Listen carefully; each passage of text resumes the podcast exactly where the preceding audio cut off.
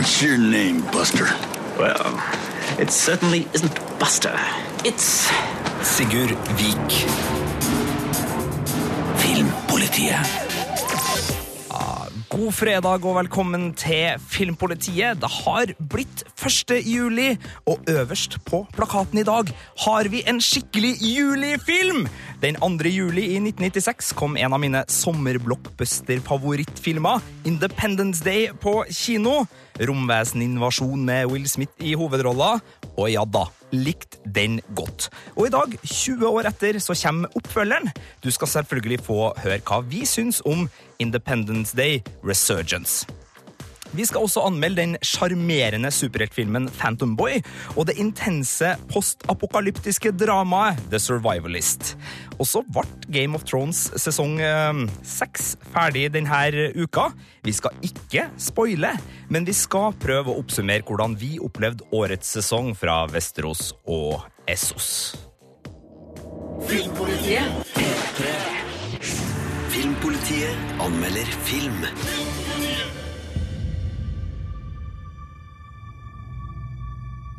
Omtrent slik ser jeg for meg at eh, handlelistene til regissør og manusforfatter Roland Emmerich ser ut. Om han skriver ned litt for raskt og plukker de første tinga han kommer på. Mineralvann, grønn kål, klokker med store tall som teller nedover mot null, eksplosjoner, turistattraksjoner som går opp i røyk, folk i uniform som går sakte mot kamera, og utappa kinesisk kinomarked. Så tenker han nei, pokker, nå har jeg gjort det igjen, skrevet et manusutkast. Denne gangen er det oppfølgeren til Independence Day som står for tur. 20 år etter at den suksessrike 4. juli-filmen kom ut i 1996, plukker katastrofefilmkongen Emrik og co. opptråden og setter historien til 20 år etter at menneskerasen sammen klarte å ta knekken på de invaderende romvesenene. Velkommen til jorda. Siden den gangen har historien vært innom ikke mindre enn tre ulike mannsfatterteam, og den bærer preg av det. Her er det mange som vil ha inn sine ideer. Det beste eksempelet er fraværet av nettopp Will Smith. Independence Day Resurgence har nemlig en helt.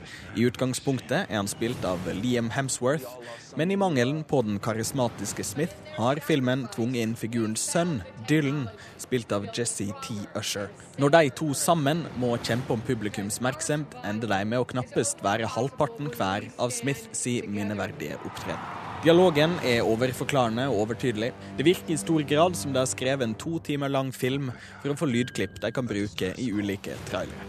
Gjengen fra den første filmen er generelt litt skrantende, med unntak av David Levinson, som er blitt sjef for jordas forsvarsprogram. Men det ser jo flott ut, da. Filmen er fylt til randen med dataskapte omgivelser, og alt fra organiske skip og romdrakter er gjengitt pent, selv om 3D-en i stor grad er overflødig. I de mest kaotiske scenene kan det bli litt mye, men i det fåtallet scener er vel også kaos nettopp poenget. Litt synd er det likevel at filmmusikken som skal støtte under de her store actionscenene, i stor grad er forsvinnende anonym. Her må komponist Thomas Schobel ha gått på autopilot. Den første Independence Day-filmen er egentlig overraskende liten. Ja da, hendelsene viste en hel planet i fare, og det visuelle lå ikke noe imellom for å vise trugsmålet fra det ytre rom. Men holdepunktene våre til planeten var få og sterke. I oppdateringen til 2016 har de spredd tankene sine for bredt utover. Noen påkasta tanker, som en afrikansk krigsherre, som uten problem kunne blitt en egen film. Og atterkomsten til Levinsons far er med på å lesse over en film med plott og figurer som bare tar vekk fra det viktige her. Emmerich er en visuelt sterk filmskaper, og med bl.a. Independence Day sementerte han katastrofefilmsjangeren på 90-tallet som sommerfilmen over alle. Seinere har han levert litt ujevne varianter av det her, gode som dårlige. Men denne oppfølgeren bærer i for stor grad av dess flere kokker, dess mer søl. Og i vakuumet etter en bærende skikkelse mangler filmen personligheten til å glitre. Så får vi se da om handlelistene skaffer nok penger til en oppfølger til. And that's worth fighting for. It's the 4th of July. So let's show them some.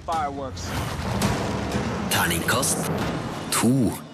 Jeg var jo veldig glad i den originale Independence Day-filmen, men da spørs det om jeg kanskje må stålsette meg for en liten skuffelse når jeg skal på kino og se oppfølgeren Independence Day Resurgence, som da fikk terningkast to. Hvis du går på mm, p3.no skråstrek filmpolitiet, så finner du anmeldelsen på nett. Der er det også ganske livlig i kommentarfeltet, for det er jo ikke alle som er enig når man har sett en sånn blockbuster-film. Så gå dit, les anmeldelsen, og delta hvis du har noe på hjertet. P3. We need to trust each other. We have so many enemies now. The Freys and the Lannisters send their regard. Are you afraid? Good. You're in the great game now. And the great game is terrifying. Lyd fra Game of Thrones sesong seks der, og inn i studio nå, Marte Hedenstad Hallo, hallo! Og Andreas Hatser Opsvik. Halla igjen. Hallo igjen. Og nå må folk bare slappe helt av, for ja, vi skal snakke om sesong seks av Game of Thrones nå, men vi skal ikke spoile. Vi skal Neida. ikke spoile. Vi skal ikke si at uh, det vet han som Nei, nei, Nei, nei, nei, nei, nei, vi skal Nei. ikke spoile. Så ikke skru av P3, bare slapp helt av og få en uh, oppsummerende, men spoilerfri prat av sesongen. Marte, vi starter med deg. Eh, Hvordan syns du denne sesongen har vært? det har vært eh, så utrolig store oppturer, og så har det vært eh, noen eh, nedturer. eh, Men eh, den har vært litt ujevn, sesongen. Men den har hatt på en måte noen av de største høydepunktene i serien i det hele tatt. Eh, Så det har vært litt sånn en litt variert opplevelse, rett og slett, å se sesong seks av Game of Thrones. Hva syns du, Andreas? Nei, jeg er enig med Marte. Det er litt sånn um, Når det har vært eh, bra, så har det vært helt fantastisk, fantastisk bra. Uh, men når det har vært dårlig, så har det rett og slett vært litt kjedelig innimellom. Og litt sånn Ja, men hvorfor gjør de det? det, det av og til så skjønte jeg det ikke. Det var Ja. teit. Ja, Vi har jo hatt en Game of Thrones-podkast, vi treene, som har gått eh, etter hver episode. Det har blitt sammen blitt en sånn ti timer med, med Det er, det, er, preik. det er mer podkast enn det er TV-serie. Det er ikke nødvendigvis en god ting, men eh, ja, ja. Ja, så vi, vi har uh, dratt på litt der. Men det vi har snakka om der, er jo nettopp det at det er noen uh, storylines eller noen handlingstråder som har vært litt svak, og kanskje dem som uh, TV-serien har laga sjøl. Altså dem som ikke har hatt grobunn i boka, syns jeg kanskje har vært litt dårligere enn det George R. R. Martin har skrevet. Ja, ikke sant? For for første gang nå så må serieskaperne lene seg fullstendig på eget verk. Altså, De har ikke manuset til George R. R. Martin i bånn, og det har vi merka. Eh, og det er kanskje de men det er litt sånn todelt, da. Eh, Jeg syns noen av de delene som har vært best, har faktisk vært eh, ting som de har funnet på sjæl, men også noe av det som har vært dårligst, har vært ting de har funnet på sjæl. Sånn at det er både pros and cons med å løsrive seg fra bøkene. De kan jo, nå, nå kan de jo, som du sier, de kan løsrive seg, som òg betyr at de kan skru til litt sjøl. De kan fokusere mer på de punktene de mener er viktig, og kanskje mm, legge til sides ting som fungerer bedre i bøkene. Eh, på en måte lange reiser og på en måte sånne ting som vil ta veldig mye tid. da. Eh, det kan jeg heller fokusere og, og mekke litt på sjøl, i motsetning til, til det de har gjort tidligere. Men det som er fint med sesongen, her, uavhengig av eh, på en måte at den er litt varierende, at det nå er innhøstingssesong. Vi har brukt fem sesonger på å bygge opp eh, mange karakterer, bygge opp mange konflikter, eh, ta en del livet av folk. Det er jo ikke å komme unna og, introdusere nye karakterer. Men nå er det liksom litt sånn payoff-time. Vi- Selv om det svinger litt i, i kvaliteten, så er alt litt sånn ja, der, endelig, nå begynner det å skje, og nå begynner vi å se konturene av de store konfliktene i serien, og det begynner virkelig å bli En del å glede seg over. Gryta, liksom få til ordentlig sånn malstrøm. Så Ja. nå, nå, nå kommer stormen. Nå Og det er kommer det, stormen. det er det som har ført til at eh, noen av episodene har vært noen av de aller beste, og det har vært kanskje noen av de aller beste scenene i serien eh, i det hele tatt, som også har vært eh, i denne sesongen. Og så har musikken vært god. Veldig, veldig god. Eh, og guri land, så bra det har vært, spesielt i For du skulle til å spoile det nå. Eh, Så jeg på Martha at da hun skulle det til å spoile. skjedde, så var det veldig bra soundtrack. Men sesongfinalen spesielt var et fantastisk lydspor. Så Jeg hørte, har hørt, jeg hørte på den låta etterpå. Jeg, jeg bare satt på den låta og hørte på den. Den er kjempeflott. Den, den som er i den siste episoden. er helt nydelig. Og for dem som syns nå vi bare tørrprater rundt noe som vi egentlig burde ha prata mye mer om, dere har for så vidt helt rett. Eh, Men fortvil ikke, for vi har allerede spilt inn en to timer lang podkast som vi spilte inn i stad, der vi virkelig går gjennom både siste episode, sesongavslutninga og hele sesongen, og tar inn fanteorier og spoiler noe så innmari om Game of Thrones. Så gå på iTunes eller på p3.no filmpolitiet sånn cirka klokka to. Ja, så, mellom to og eh, tre mellom to og tre Ja. så kommer det en eh, godt pod der, som er rett og slett stappfull av nerding rundt denne Game of Thrones-sesongen. Så hvis du nå syns det ble litt eh, vagt, og har lyst til å høre hva vi mener om spesifikke ting, så er redninga der.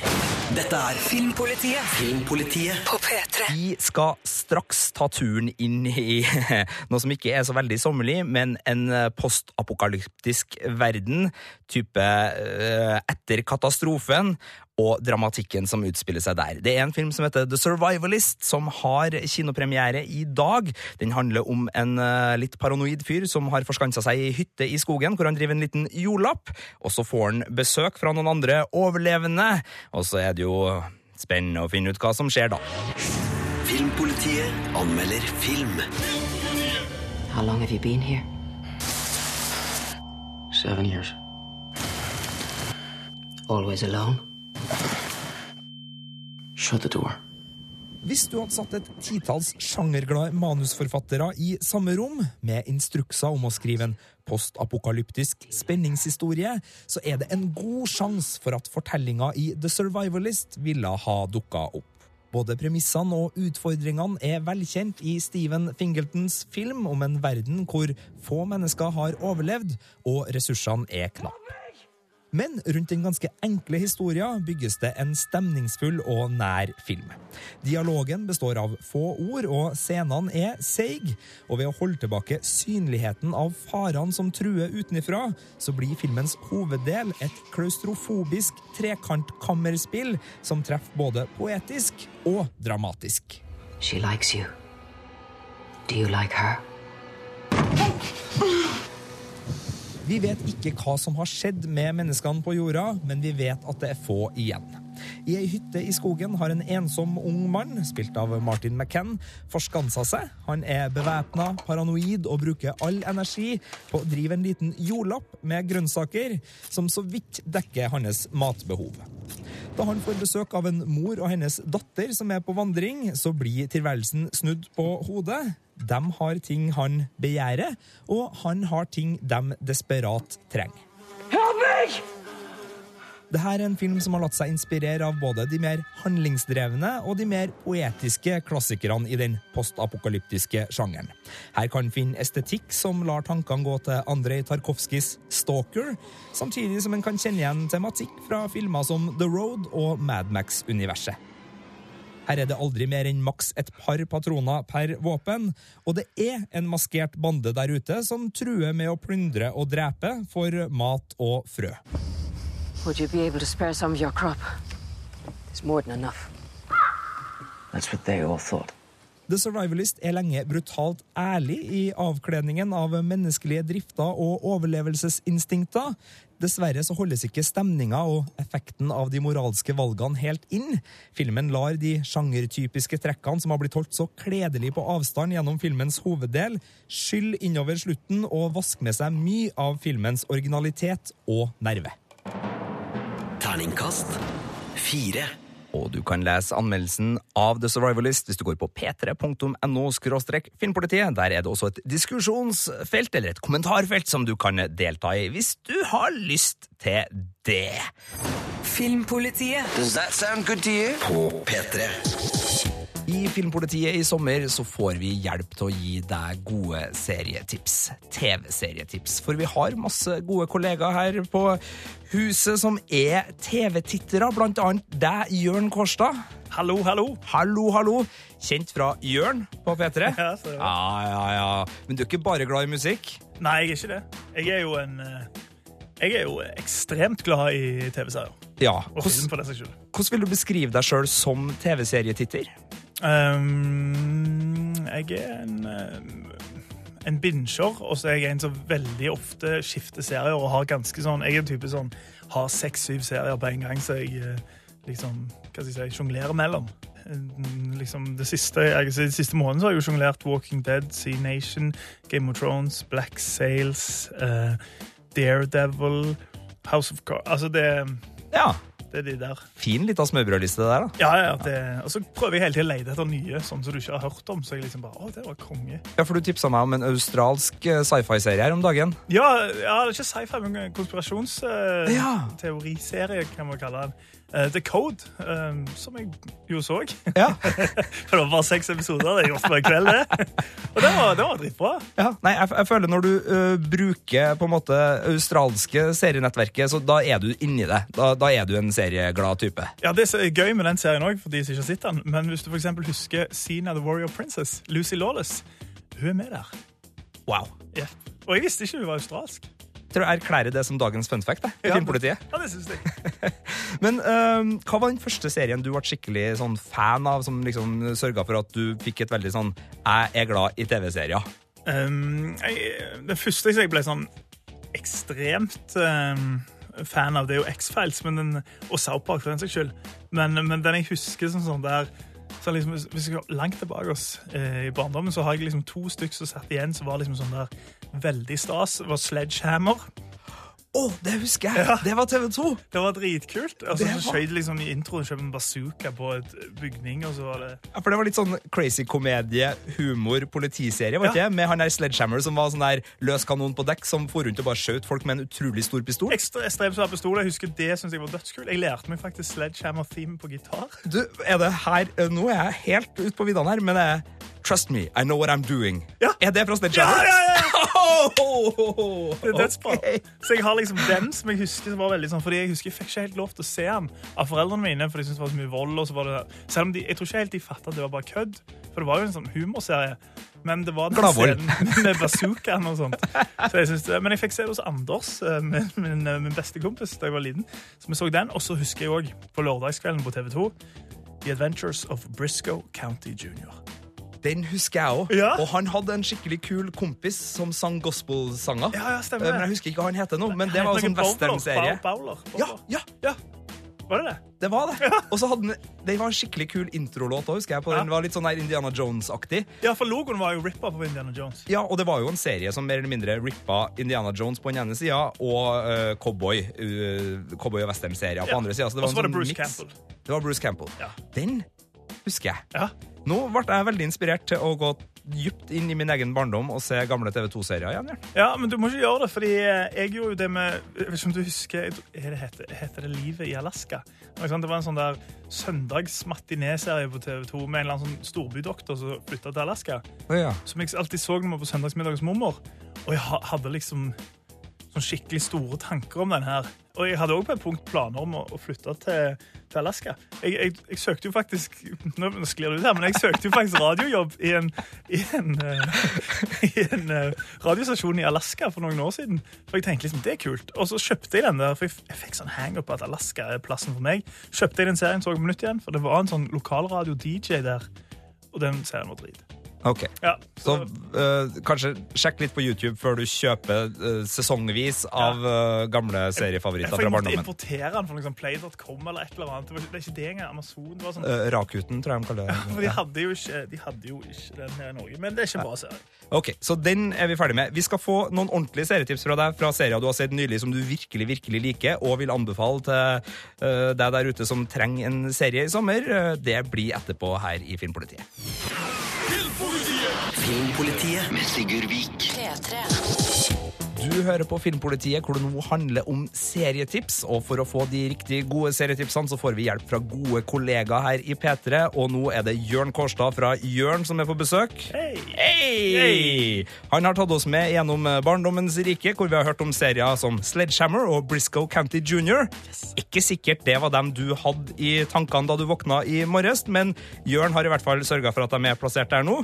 Gode TV2-klassikere Ja. der fra din barndom. Ja, ja. Og min barndom. Det var liksom sånn, hvis du er sånn hva skal jeg si, segmentet mellom eh, 28 og 32, 33, 34, så tipper jeg eh, de De funker hos Det er sånn midt på 90-tallet TV 2 her, er ikke? Ja. Eller sen, ja, sånn midt til sen 90-talls uh, Det, det var da de pika TV Det 2. var da de pika. Jeg hadde til Børge på det tidspunktet òg. Men uh, vi vil ha tips fra deg. Tre serier som kan sees uh, sånn mer eller mindre i f- det, De kaller det vel fråtsing? Seriefråtsing er vel det Ja. norske ordet her. For sommeren. Kom igjen, Jørn. Kjør på. All right. Eh, Jeg skal starte med en, en serie som egentlig jeg ikke hørte noe om, men som plutselig bare dukka opp i ja, Netflixen min. Og det er rett og slett en serieversjon av Skrik. Ja, Scream-serien. Ja, og jeg hadde liksom ikke sånn veldig troen på dette. Jeg husker Skrik-filmene. Jeg husker det var helt sånn all right, husker jeg ble dårligere og dårligere. Så jeg satte jeg det på da, for jeg er liksom, jeg er sånn søkker for B-filmer og slashers. Og jeg syns det var helt konge. Det var bare, bare litt preg av å være litt sånn Dawson's Creek-aktige karakterer. Alle i serien er pene, for eksempel. Det, det hater jeg. Jeg syns alltid må være med stygge folk for å utjevne. Så det blir liksom vanlig. Da blir det troverdig. Ja, og alle Ja. er sånn godt trent, men, men det er en veldig bra eh, liksom sånn Veldig, veldig bra serie. Fikk meg til å se Skrik 1 på nytt igjen. og så jeg synes det var ganske bra. Jeg fant faktisk ut at Det har, det har gått meg hus forbi, men det er sånn påskeegg i det med at eh, den gamle vaktmesteren i Skrik 1 Når de har sånn der snakk om det, så er det Freddy Kruger. Det er det, ja. Så han er med, altså skuespilleren som spiller Freddy Nei, Krueger? Robert Englund er ikke med, men han heter Freddy og går i de draktene. Ah, Så Det var liksom sånn, det har, det har ikke jeg fått med meg når den filmen kom. Men jeg synes den sesongen er kongen. Og starter sesong to, fortsetter der sesong én slapp. Og det er, det er, det er veldig bra. Så det er liksom sånn, Du sitter hele tida og tenker liksom, kan han være killeren. Kan det være hun? Kan det være hun? Har, de legger opp til det, så du tror kanskje du skjønner det. Og så skjønner du ikke kommer det en twist. Det, altså det er bra. Og så har de med den der token eh, liksom horror-guy som hele tida kjører for at han kjører liksom referanser inn i sånn som Skrikfilmen gjorde. Så jeg syns det er en, en veldig bra overgang til, til serie. det var førsten. En til. Jeg skal gå videre til Rick and Morty. Det er animasjon, ikke Jo, det er animasjon. Og det var en sånn, jeg har en sånn kompis som ofte sender meg meldinger. Liksom for liksom, Vennegjengen min bor jo i Stavanger, så jeg ser det liksom sånn to ganger i året. Men vi kommuniserer via serier. Så plutselig så får jeg en SMS, og så står det tre serier jeg må se. Og denne her fikk jeg egentlig for noen år siden. Uh, men så li likte, likte jeg ikke navnet, for de minner meg om Ren and Stimpy. Men i hvert fall så tar jeg på dette her og blir helt hekta. Det er vel to-tre sesonger ute nå. Det er helt konge. Det er liksom sånn, litt sånn svart humor. Det handler om en sånn eh, crazy bestefar som er liksom sånn forsker og drar rundt i rommet og er veldig sånn der misantropisk nihilist. Og så har du, så har du Morty, da. Og så er han alkoholiker òg. Og så har du Morty som blir med, så er det litt sånn, sånn slow kid. Så drar de ut på sånne adventures. Er ekstremt funny. Altså det, første episode syns jeg er litt sånn dårlig. Eh, og så går det gradvis bare bedre og bedre og bedre. Så hvis du liker sånn sånn, I don't know, Family Guy, South Park-aktig Bare Kanskje ikke så før de mer sånn surrealistisk og weird. En surrealistisk South Park. Ja, kanskje sånn Futurama, South Park i Ja, det, det, det er gøy, i hvert fall. Tredje serietipset fra Jørn Kårstad. Nei, Som jeg nevnte i starten, så er jo jeg veldig glad i B-filmer. Og jeg er, har også en slags man-crush på Bruce Campbell. Jeg har sett omtrent alt han har gjort. Det var han som var med i Adventures of Briscoe County Jr. uh, han har også vært i en, en fantastisk, fantastisk uh, horrorserie som heter Evil Dead.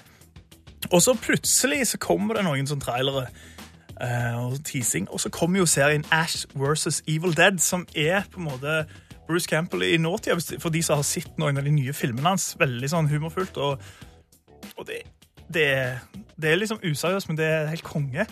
Og det er liksom bare Ash da, fra Evil Dead som lever sånn slaraffenliv, og plutselig, tror du ikke, den boka kom tilbake oss.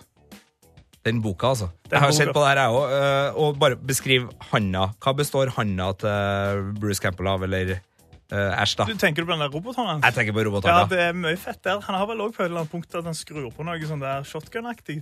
Han gjør det. Det er ganske kult. Det er liksom, det har bare tatt, de har bare tatt all, alt for sånn fete ting fra, fra B-filmer, og så bare har de sånn glimt i øya. Og det er mye gore, og det er mye, ja, det er mye kødd. Og så er det bare det er bare helt rått. Og en ting til, fun fact. Vet du hvem som er der òg? Nei. Lucy Lawless. Der òg. Ja, plutselig bare dukker hun òg opp. Fun fact-kongen Jørn Kårstad. Det var en glede å ha deg på besøk. For å oppsummere, Det var tre serietips fra deg. Det var Det var uh, Rick and Morty. Det var husker jeg ikke. Det var Skrik-serien. Og så var det Ash vs. Evil Dead. Så jeg mener du finner enten på TV2 Sumo eller Viaplay. Det var i hvert fall der jeg så det.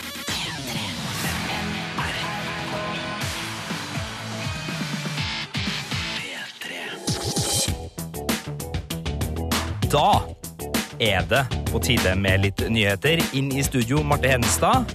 Hallois! Andreas Hatser Opsvik. Hallois! Halloi! Hva er siste nytt, Marte? Siste nytt! Oscar-akademiet slår et slag for likestilling. Ja. Det er jo bra. Ja, eh, fordi at altså, Oscar-akademiet har jo fått så vanvittig mye kritikk år etter år, og spesielt i år, fordi at det har hatt en enorm, så liten eh, variasjon i hvem eh, de har eh, nominert, og hvem som har vunnet priser. Altså, Dårlig mangfold er stikkordet. Eh, hvite menn over 40 er et annet stikkord. Ja, det er vel den klassiske Det har vært veldig hvitt og Ja. veldig sånn Ja. Men nå har det altså tatt eh, grep. Eh, de inviterer jo filmfolk til, for å få medlemskap til akademiet, eh, og nå har de invitert Altså over fire ganger så mange som de pleier.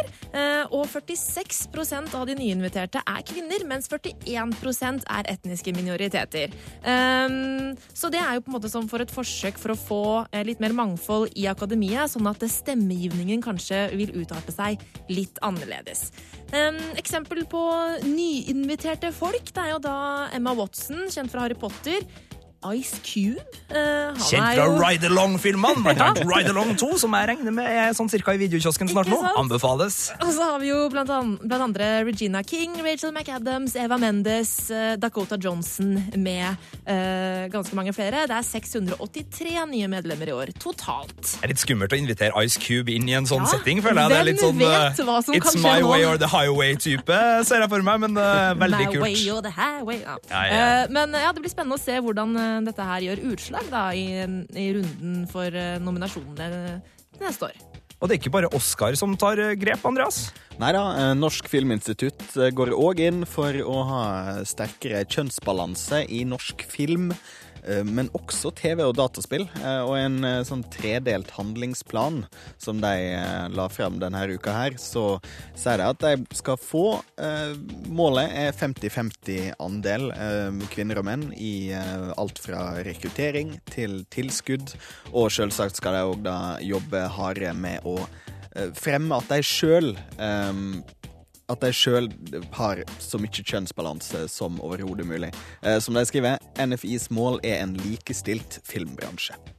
Det høres flott ut. Det høres veldig bra ut. Hvor kan du lese om det her?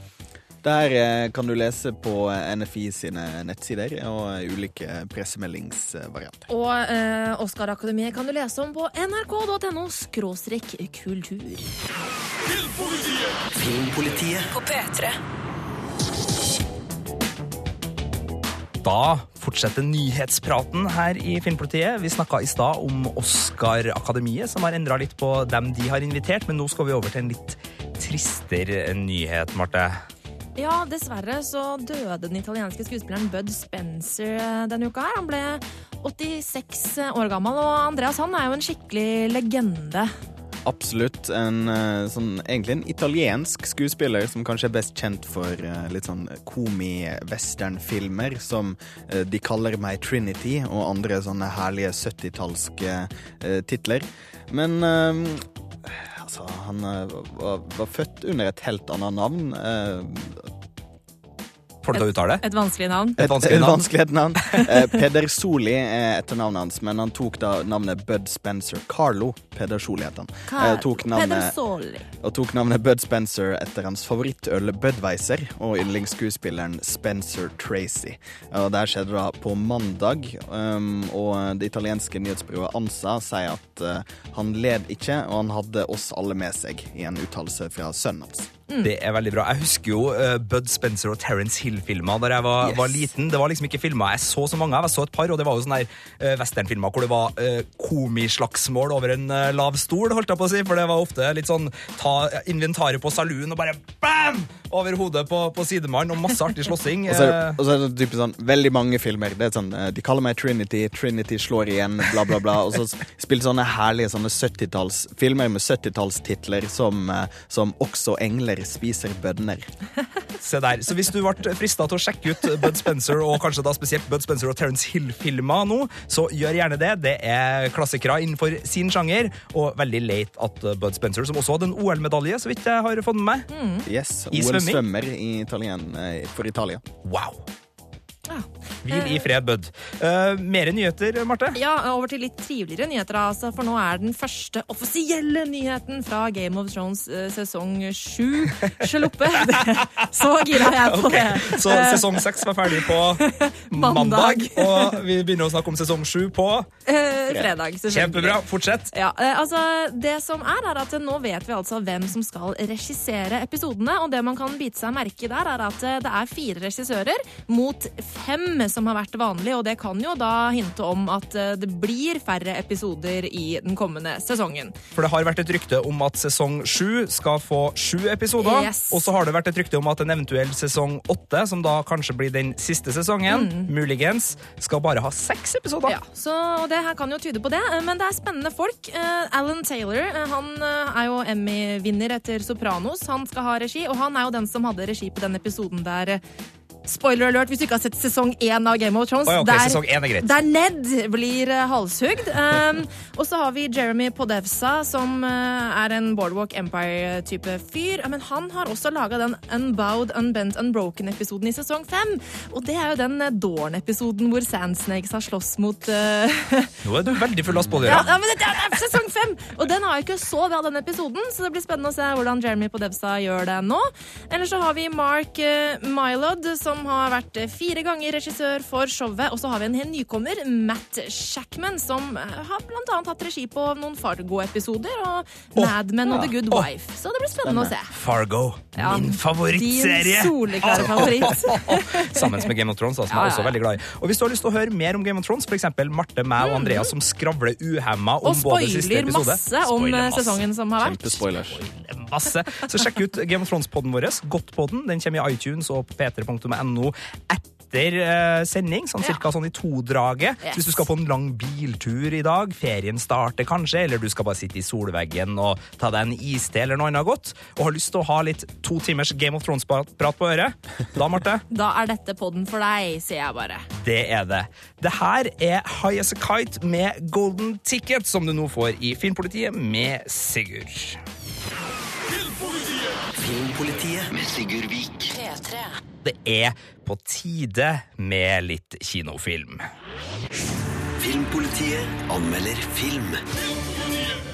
He's 11. He's invisible. And he's got 24 hours to save New York.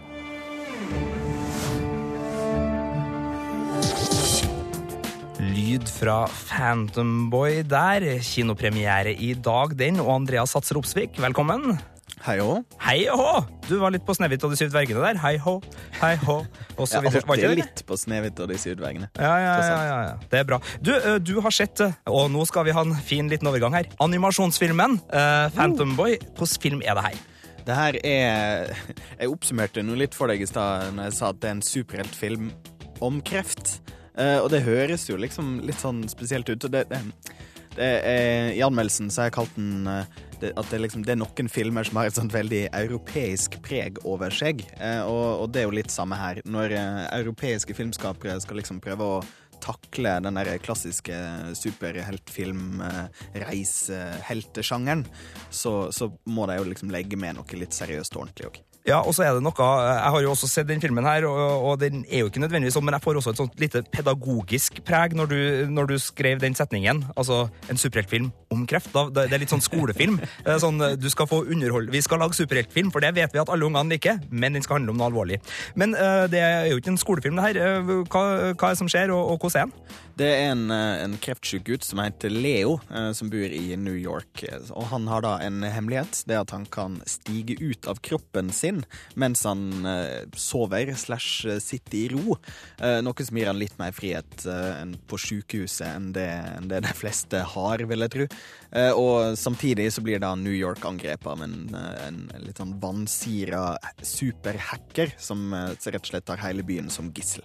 Han er den der klassiske Scarface-skurken, han her eh, skurken, syns jeg, med trenchcoat eh, og eh, hatt som gir, sånn- kaster skygger i ansiktet. Litt sånn Dick Tracy, eh, film noir-aktig. Bare at ansiktet hans ser ut som et Picasso-maleri. Eh, Og det er òg en veldig sånn herlig, søt, sjarmerende detalj midt oppi det greiene. Nå er du inne på noe som jeg gleder meg til å høre deg snakke om, fordi av oss to så er det ingen tvil om at du er tegneseriemaren. Eh, Det betyr også at du får lov til å være animasjonsmaren her. Eh, Hva, hva syns du om eh, den eh, stilen og estetikken og, og den visuelle profilen i filmen? Stilen og estetikken er Det er veldig sånn eh, herlig enkelt. Det, det minner litt om sånn eh, om, om det er litt mer fargesprudlende enn Tintin nødvendigvis, men litt den her eh, fran fransk-belgiske tegneseriestilen. Eh, og det syns jeg er pent, altså. Og, og det her er lagd av de samme folka som lagde En katt i Paris, som ble Oscar-nominert for noen år siden, som også var en veldig sånn nydelig, pen, vakker film. Eh, og da mm, En katt i Paris handler om, om den franske hovedstaden, så handler den her på en måte tilsvarende om litt sånn hyllest til New York. Eh, og, og de har klart å lage en sånn spennende, spennende univers som, med mange sånne fine sånne hyllester til, til Woody Allen og Sopranos og annen sånn amerikansk film og TV-serie. Ja, Syns du de får til smaken av New York? Ikke helt, kanskje. Eh, jeg tror nok at de her franske regissørene, eh, Jean-Luc Felicioli og Alain Gagnol Nå ødela jeg sikkert de franske navnene helt, men uansett. eh, De kjenner nok Paris bedre enn de kjenner New York. New York føles litt tomt og litt mer overfladisk enn det Paris gjorde i, i den forrige filmen deres. Men, men det er på havna, da. Og havna er jo bestandig kul. Uansett by. Nettopp. Og det er liksom sånn eh, litt sånn The Wire-aktig, nesten. Men, men det er sånn, sånn film noir med sånn hardbarka detektiver, og så da den her eh, unge gutten som, som eh, en sånn overvåkende superhelt oppi det. Blir en- en sjarmerende liten, søt historie, altså. Det, det, det er kanskje ikke like masse for, for voksne uh, filmkikkere her som det var i En katt i Paris, så er det fremdeles et, et underholdende familieeventyr, altså. Ja, hvem vil du si denne filmen er skreddersydd for? Den er nok skreddersydd for um, um, en forelder som er litt lei av alle de supersukkersøte amerikanske uh, engelsktalende variantene, og har lyst til å ta med ungen sin på noe som føles litt mer europeisk, litt mer rolig, litt mer uh, liksom um, djupt. Uten at det nødvendigvis er så veldig djupt. Den, den takler jo liksom kreftspørsmålet midt oppi der. Og, og det, det er litt annerledes enn de fleste, fleste animasjonsfilmer. Du kan lese hele anmeldelsen til Andreas hvis du går på p3.no filmpolitiet, og nå skal du få terningkastet. Terningkast fire. Åh, det er ikke verst, det. Og det er også et kommentarfelt under anmeldelsen til Andreas, så du må gjerne gå dit og bli med i, i diskusjon om du har lyst til det. Filmpolitiet.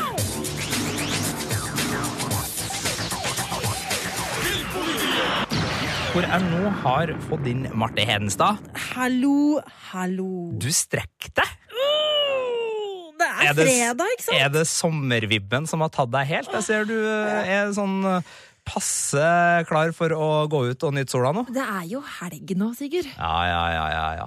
Og hvis du skal ta helg nå og har lyst til å høre på noe greier, så har vi en Game of Thrones-podkast. Da vil jeg laste ned podkasten med meg selv og deg og Andreas, der vi snakker om Game of Thrones i to timer. Ja, og den har vi nevnt et par ganger i sendinga her, og for dem som vil ha en helt sånn spoila eh, prat om Game of Thrones, så, så har vi den podden.